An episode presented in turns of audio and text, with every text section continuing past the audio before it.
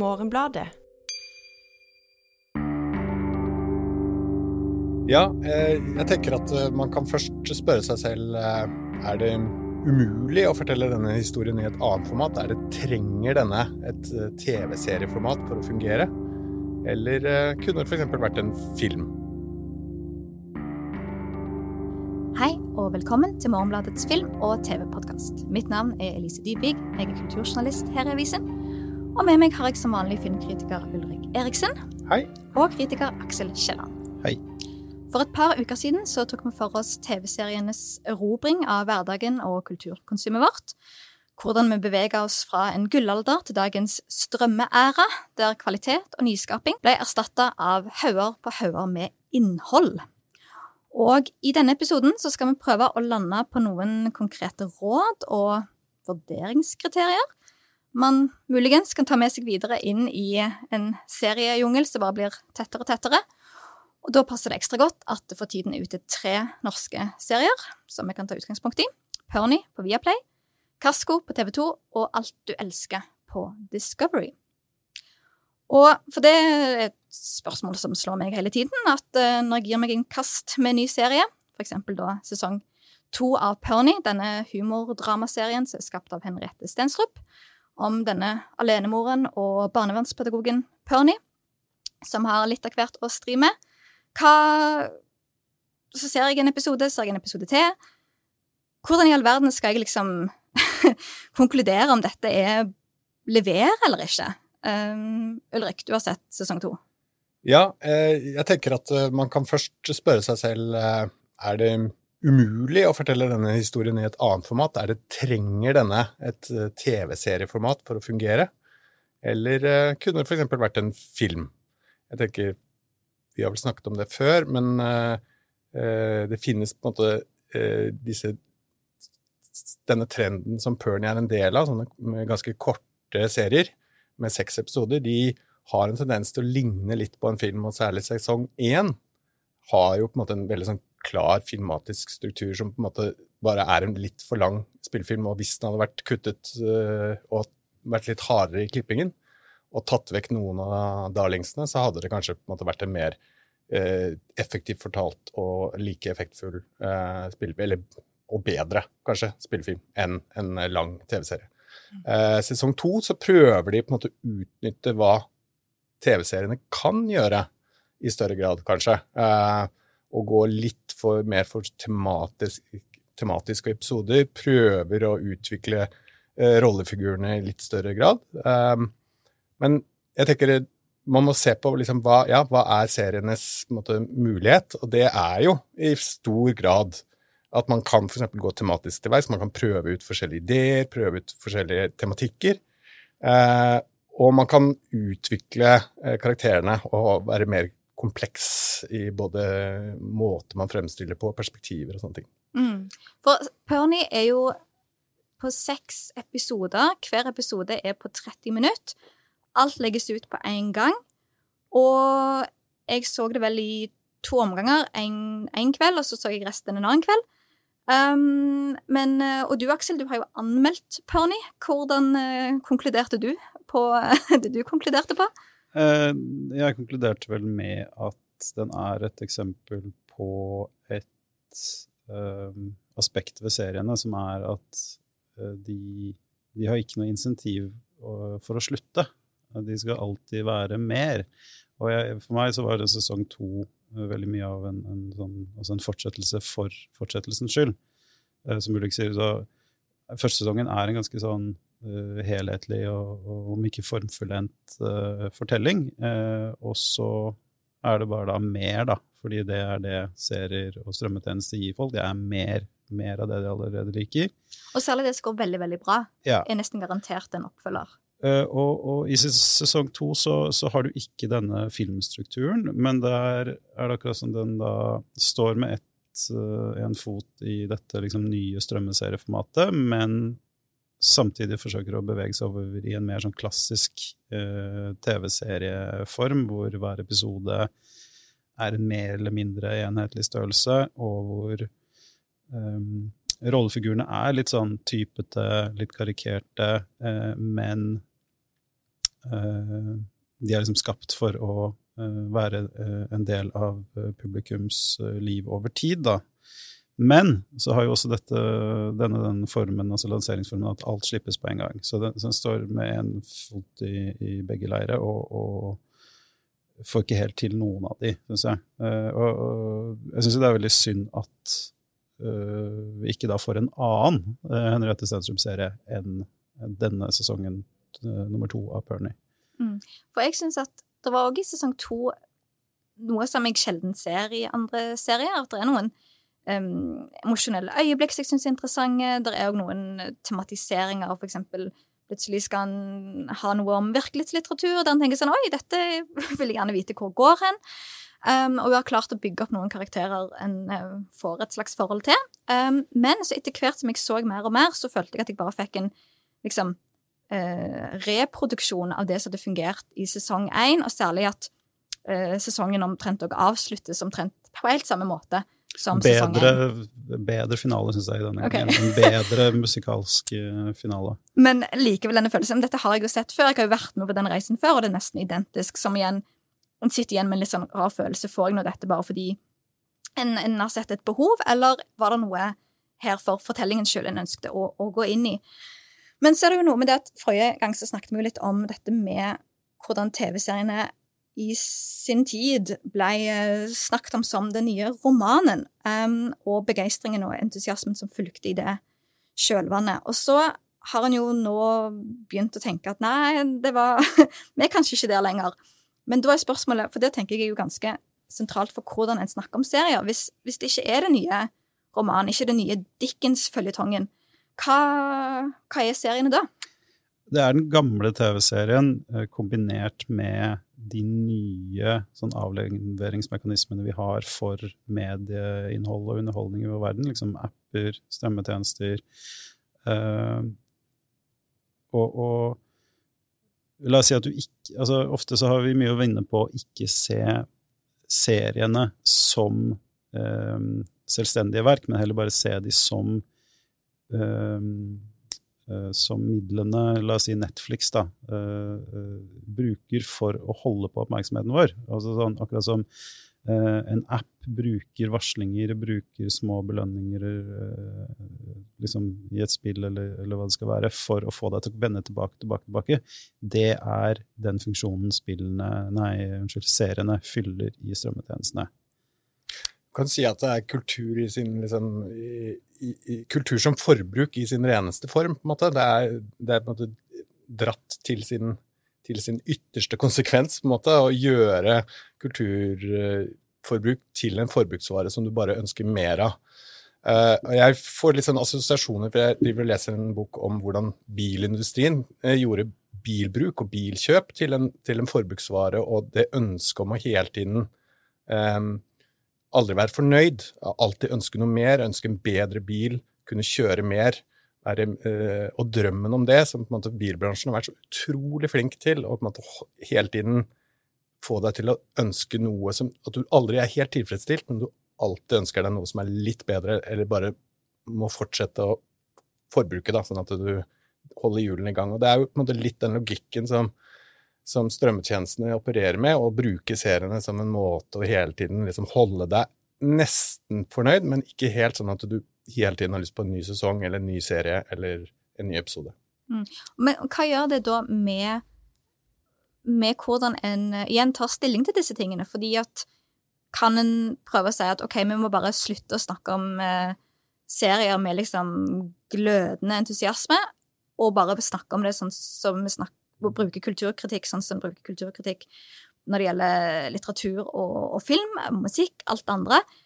Eller sånn så må en òg prøve å inkorporere dette med at de har visse mekanismer i seg som minner om eksempel apper, eller hvordan bilindustrien tenker, eller liksom flytter det nesten ut av kulturkritikken.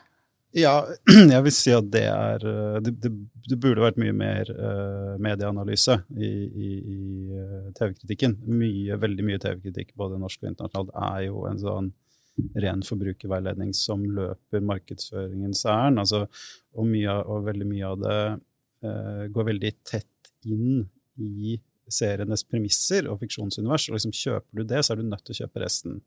Sånn at å ta et skritt tilbake og ikke kjøpe dette, ikke ta dette for gitt at dette stemmer det seriene forteller oss at de er og, og, og handler om, det er ofte et godt sted å begynne. Um, men så tror jeg også at uh, det er viktig å anerkjenne at serier Vi, har, vi har snakka en del om serier her, at de kommuniserer på et mindre presist og mindre elegant mindre subtilt nivå enn film.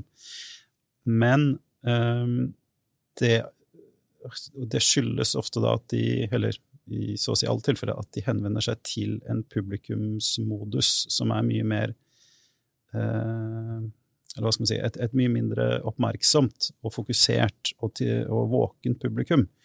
Og det fins jo mye av den tiden eh, i et menneskeliv eh, hvor du ikke liksom orker å, å, gå ut av huset, hvor du ikke orker å lese.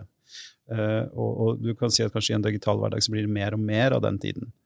Eh, så, så, der uh, treffer jo seriene mye bedre enn film gjør. Altså, vi kunne jo sett for oss hvis, hvis Henriette Stensup hadde laget en original film som ble sluppet på, på uh, Hvor er det? Viaplay. Viaplay. Så ville ikke den truffet like godt som Pernie. Det er noe med serieformen, det er noe med uh, den episodiske strukturen, det er noe med den litt sånn lavfrekvent eller, eller liksom sånn overtydelige fortellerformen som gjør at den treffer bedre i mange tilfeller enn film. Ja, så er det jo noe med at det som måte, vi kanskje glemmer litt med serier, og på en måte noe som de på en måte har lagt bak og sånne gullalderen, så, så, på en måte forsvinner også mulighetene. altså Man på en måte snevrer inn rommet for hva som er mulig å gjøre da, med TV-serier. fordi egentlig så, så, så, har jo seriene et voldsomt potensial. ikke sant? Det har jo mye mer alburom og muligheter til å gjøre ting eh, som filmen ikke kan gjøre. Nettopp fordi på en måte, Som for eksempel, da? Nei, man kan f.eks. utvikle karakterer i en mye større grad. Altså man har tid til å følge veldig mange for, uh, forskjellige karakterer veldig nøye uh, i en mm. TV-serie, som man på ingen måte ville klare i en film.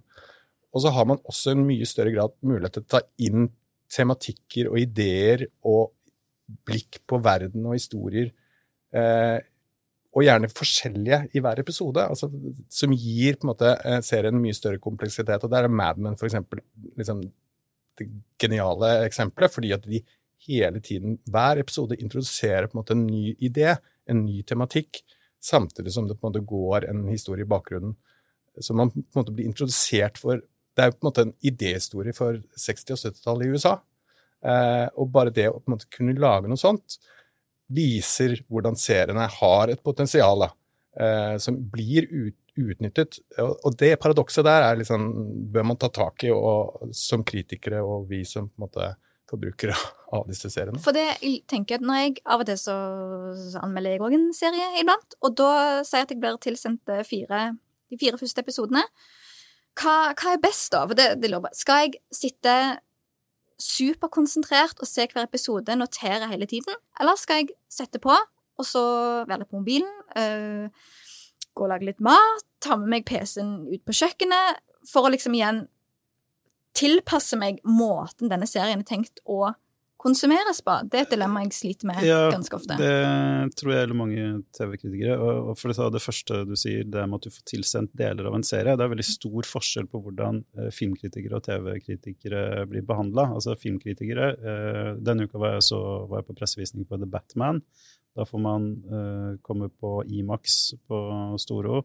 Og du får liksom, kritikerne får en egen visning. Man sitter der tidlig på dagen, alle er våkne. Alt er fint. Mens med TV-anmeldelse så får du gjerne tilsendt Du får gjerne ikke tilsendt alle episodene. Eh, og eh, et fenomen de senere år er at du også får tilsendt uferdige episoder. Sånn som når så Lykkeland. Så eh, flere av actionscenene i, i, slutten av serien var, var sånn um, 90-tallsaktig VR-datagrafikk på de. Altså sånn oljeplattformen var en sånn lysende gul konstruksjon på en helt svart bakgrunn. Og da er du forventa som, som TV-kritiker å liksom bare Ja, men det der skal se ordentlig ut når du får fiksa det. Det blir sikkert bra. Den samme, samme dynamikken oppstår hos en kritiker, mange kritikere når de bare får tilsendt noen episoder. Det er sånn, De nøster det sikkert sammen til slutt. Mm, eller så fargekorrigeringen er ikke helt på plass ennå. Ja. eller liksom Eller, eller liksom mm. De har ikke fått de har, liksom, Det er midlertidige stemmer. Så, altså, og det setter kritikeren i en sånn posisjon hvor de er nødt til å anmelde noe de ikke ser. Eh, og det bidrar til veldig mye til den velvilligheten som, som, som preger TV- TV-mediet. liksom, og den moderne strømmeseriene er det der med at eh, vi har en sånn velvilje. altså det, det, det- det ligger til grunn for vår appetitt på serier, er at vi, vi, vi, vi tenker de fikser det sikkert til slutt. Og der tenker jeg at eh, eksempel Alt du elsker, da, som handler om en serie, en serie som handler om en eh, ung kvinne som forelsker seg i en mann som viser seg har litt høyreekstreme sympatier. At der igjen, at, i hvert fall når jeg begynte å se den um, Nå har jo den fått litt sånn lunkne anmeldelser, men den er i stor grad med på at dette er viktig og bra. Så er det jo igjen denne følelsen av at nå ser jeg på noe som der jeg skjønner hva de har tenkt, og jeg skjønner at uh, dette er interessant i dette formatet, kanskje, men du sitter og føler sånn at de fikk det ikke helt til, men jeg skal gi dem det at det er bra at de prøver, på en måte. Og det er spennende at dette kommer på, på norske eh, Du får en følelse av at det har vært en del midler til serieprosjekter om høyreekstremisme de siste årene. Det er en uh, At å- her har vi, så lenge vi har et catchy konsept, så er det ikke så farlig med, med utførelsen. Men det som For det som er greia, at jeg tror alle her har liksom Um, ideer om Eller minner om, om skikkelig bra serieopplevelser. Men de tilhører kanskje fortiden. Um, men hvis en da skal prøve å liksom ta inn over seg mye av den konteksten serien lages på og ses på i dag, jo supervanskelig. Men vi gjør et forsøk og finne ut av hva, hva i all verden er det en da en skal se etter når en skal vurdere kvalitet, eller vurdere hvorvidt de lykkes eller ikke. For det kan jo på en måte høres ut som fristende bare slette seriene fra forbruket sitt, sånn som en sletter en app, men de er der jo, og de tar jo òg tak i ting som er relevante for kulturen og offentligheten osv., så, videre, så det gjelder jo å ha et eller annet forhold til dem. Da vil jeg gjerne høre om dere har noen sånne Det pleier jeg å se etter, Ulrik. Jeg tenker at eh, friksjon er liksom et element her. fordi at eh, serier skal jo helst være veldig friksjonsløse. De skal helst måtte, bare skli som eh, Og igjen så trekker jeg parallelt til bil. for at det, i, i, Innenfor bil og bilkonsepsjon så er det på trafikkflyt det er, den, det er den store idealet. Og i serier så er det også litt det der at du skal bare få den flowen, den deilige flyten, som gjør at du måte eh, bare sklir av gårde. Så jeg tenker å se etter friksjon er bra. Fordi eh, friksjon ofte er tegn på at her, har, her er det et eller annet som Her er det noe som skjer. Her er det noe som er annerledes. Her er det noe som ikke helt stemmer. Og da begynner jeg ofte å bli interessert. Så Hvordan kommer det til uttrykk, eksempel, tenker du? jeg tenker at man kan eh, identifisere med å på en måte se hva er det man ikke forstår, hva er det, man, hva er det, hva er det som på en måte hva som trenger forskjellige tolkninger, hva som ikke er helt åpenbart. Eh, For eksempel så kan man se på eh, en, film, en serie som eh, En film, sier jeg. en serie som The New Pope, som, som, eh, som er en av mine favoritter de siste årene. Eller de siste ti årene, da. Fordi den hele tiden overrasker med ting som du på en måte ikke hadde ventet i det hele tatt. Den tør å være rar. Den tør å gjøre ting som på en måte går ut over universets måte, rammer, og, og tar inn over seg både filmatiske måter å gjøre det på, men også mer eh, innspill og ideer som virker absurde, som skaper friksjon, som gjør, får en til å føle liksom Hva er det jeg ser på nå? Dette, dette, dette var rart. Og det er litt sånn Jeg husker fremdeles um, da eh, Twin Peaks kom på 80-tallet, eller i nitt- begynnelsen av 90-tallet, Uh, så var det hver gang vi kom til, i, i, på skolen på mandager, så måtte vi snakke om serien. Vi måtte snakke om hva var det vi hadde sett, for vi skjønte det ikke. Vi ante det ikke. Vi, vi, og det, den friksjonen som skaptes der, og, og som ga det rommet for å på en måte diskutere hva var det vi hadde sett, den savner jeg. Ja, og nå nevner du jo to serier som har um, altså i, i, I New Pops er jo alle episodene skrevet og regissert av uh, Paolo Sorrentino, og, og uh, Twin Peaks er jo veldig et produkt av um, David Lynch eh, og til en mindre grad eh, Mark Frost. Eh, men, og du nevner også serier som kommer én episode i uka. Eh, jeg tror ikke jeg har noen virkelig store opplevelser med strømmeserier som slippes alt i ett. Det er godt mulig jeg overser noe, men, men hovedsakelig så alle mine store serieopplevelser er ting som har sluppet én episode. HBO holder vel litt på den modellen ennå, gjør de Ja. ikke det? Ja. og, og noen andre innimellom. Mm. For min del så tror jeg det handler Altså, veldig mange serier eh, som, som vi liker, eh, og som, som blir skrytt mest av, er jo serier som prøver å være noe mer enn serier. Det er TV som prøver, altså Hele den derre seriens liksom, gullalder eh, kom jo av at eh, serien liksom etterstreba kvaliteter man finner i, i litteratur og, og, film. Og så er det spørsmål da liksom hva, med seriene som ikke gjør det? Hva med seriene som bare er serier? Altså, eh, jeg liker eh, Kirby Enthusiasm veldig godt, eh, men jeg vet ikke om jeg liksom, jeg vet ikke om siste sesongen var så bra. Uh, og jeg, jeg syns ofte det er det som mangler i, i TV-seriekritikk og TV-serieprat, er en eller annen form for uh, distinksjon mellom 'jeg liker det', og 'dette er kjempebra'. Men plutselig så kommer det en kjempe, kjempebra serie. Så jeg tenkte kriterier for min egen del, og det kanskje sier litt om hvor lave forventninger en har til TV-serien til å begynne med, men jeg lander på stikkordet selvsikkerhet. Og det er at jeg vil gjerne at serien skal ha en følelse av retning, følelse av hvorvidt dette er et verk som vil noe. Og det kan komme gjennom manus, det kan komme gjennom tonen, det kan komme gjennom skuespillet eller liksom den estetiske innpakningen. Og handler jo igjen at en scene eksempel skal noe annet enn å bare ta deg fra et sted til et annet i, i handlingen, da. Og der, for eksempel, hvis en trekker inn eh, den norske humorserien Kasko, som er ute på TV 2, eh, der komiker Jonis Josef spiller en eh, person som eh, har endt opp i, eller ender opp i forsikringsbransjen.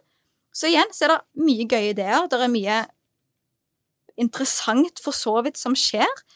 Men så er det liksom skuespillet litt off. Det er noe som ikke helt henger på greip. Eller det er som om Og der kanskje det handler igjen med tiden å gjøre, at en har kortere tid på å lage ting. Sånn at der en kanskje tenker at her skulle en bare gått en runde til med manus, og så kanskje ville det fungert hakket bedre enn en gjør. Men bare den der at jeg hele tiden ser serier som nesten får til noe, nesten får til det de prøver på, så gjør at jeg sitter igjen med ofte en sånn følelse av at det er jeg som jobber for serien, framfor at serien jobber for meg. Og at til og med bare det å ønske seg at en serie skal være underholdende, er òg en sånn kjempe, et kjempekrav, ofte. Fordi at de klarer Jeg ser at de vil underholde meg, men de får det liksom ikke til. Og så har du jo brukt Du ender jo opp med å bruke ofte mye tid, da, og da vil du kanskje etterrasjonalisere litt og si jo da, jeg ble underholdt, og det var, det var verdt det. Og det er igjen, det er jo den forbruksgreia. ikke sant? Altså, har du først gjort den investeringen, eh, har du kjøpt bilen, så vil du gjerne rettferdiggjøre det kjøpet etterpå. Har du faktisk sett serien, så vil du rettferdiggjøre at du har brukt tolv timer av ditt liv da, på å gå gjennom en hel sesong. Eh, men så vil jeg så si at det, den der endringen fra TV-serie til strømmeserie, altså en episode i uka versus alle episodene på en gang, har jo tatt en, en type underholdning, en type audiovisuelle fortellinger som, som, vi tidligere så som en, en, del av en rutine, har gjort det til en aktivitet. Altså Ser du en hel serie, så er det på en kveld, så er det en, Altså du får et annet uh, blikk på det, da, og, og, og, det blikket er da ofte mer negativt. Uh, I hvert fall hvis du husker starten og slutten. Altså, det, altså Strømmeseriene belyser sine egne tilkortkommenheter ved å slutte, ofte. På en måte som liksom hadde, hadde, Jeg, jeg syns Kasko var underholdende. jeg synes det, Hadde den gått én episode i uka, så hadde det vært en sånn fin ting å følge med på. Men nå, nå skulle jeg skrive om den, så da så jeg alt. Um, men liksom, hadde den gått en episode i uka, så hadde det vært en sånn morsom ting å gjøre. Hadde ikke tenkt så mye mer på det. Uh, og, så, og, det gjelder mye serier, da. At, at liksom uh, Vi blir både mer opptatt av de, men også kanskje mer kritiske til de strømmeseriene. Altså, fordi det er et, det er et uh, egentlig ganske dårlig format. men jeg vil også si at det er noe med serier, så i motsetning til film, så, så, så avkrever de oss ikke den, den vurderingen.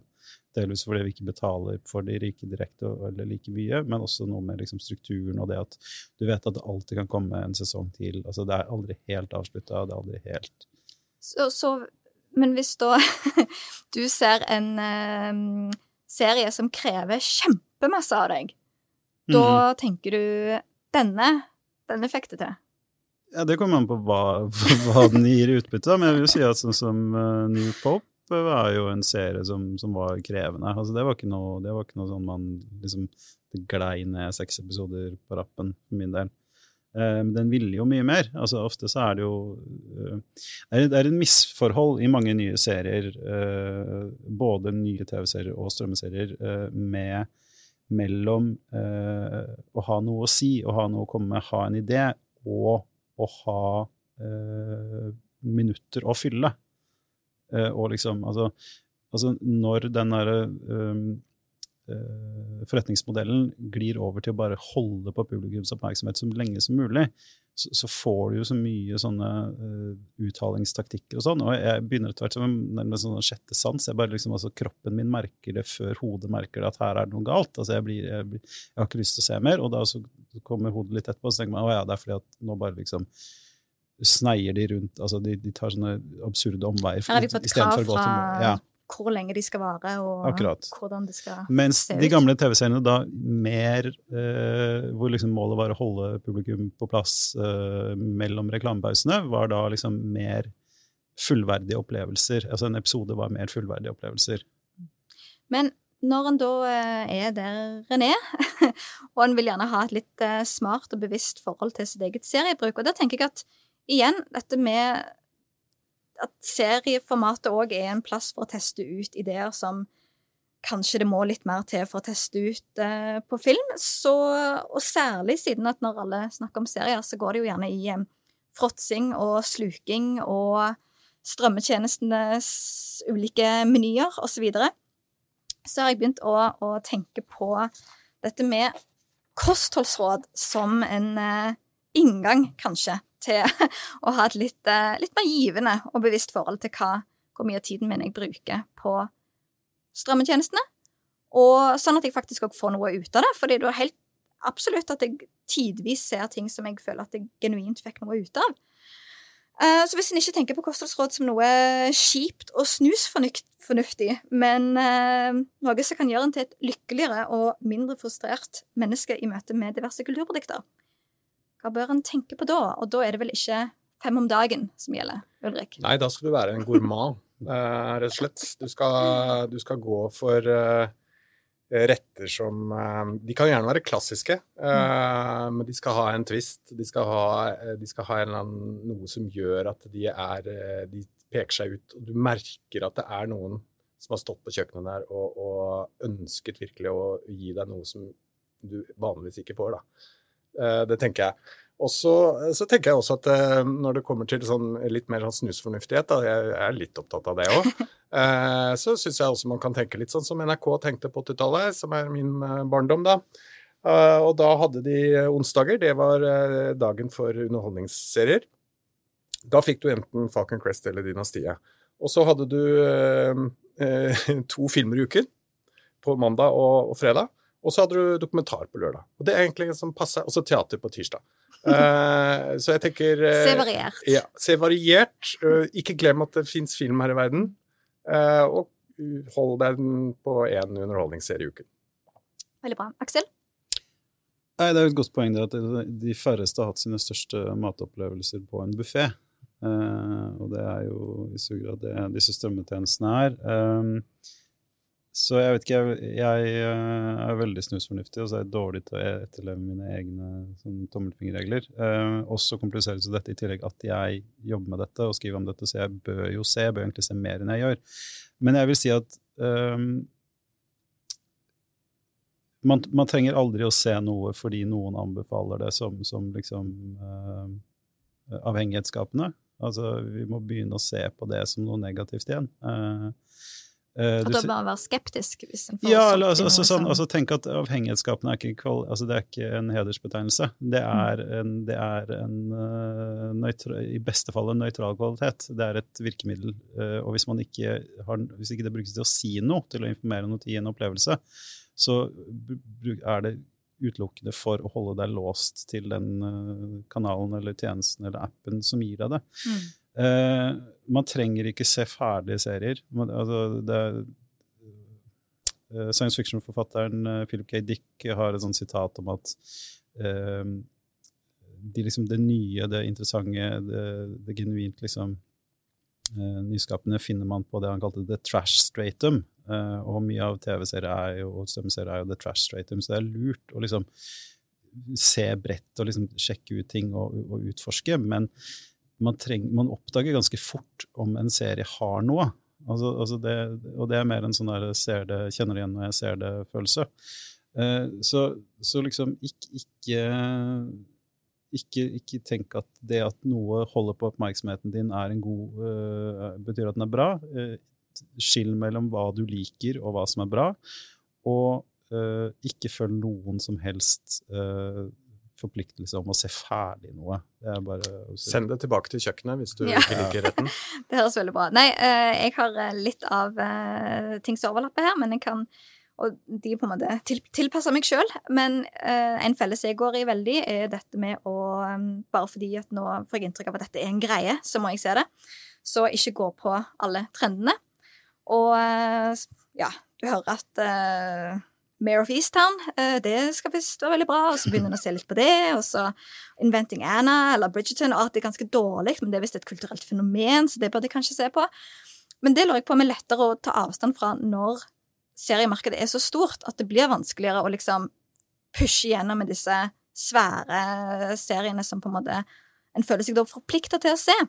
Um, men da tror jeg at det er noe avhengig av liksom, sosiale medier, popkulturen og kulturjournalistikken slutter å komme liksom ilende til unnsetning fordi en har så lyst på disse seriesnakkisene, og så er det liksom litt uh, halvveis om, om serien fortjener å bli løfta fram som en seriesnakkis eller ei. Det er jo et godt poeng at mye av mm. serier det er jo noe som liksom uh, både, både, publikum og media uh, bruker som liksom skjelett for samtale, for interaksjon.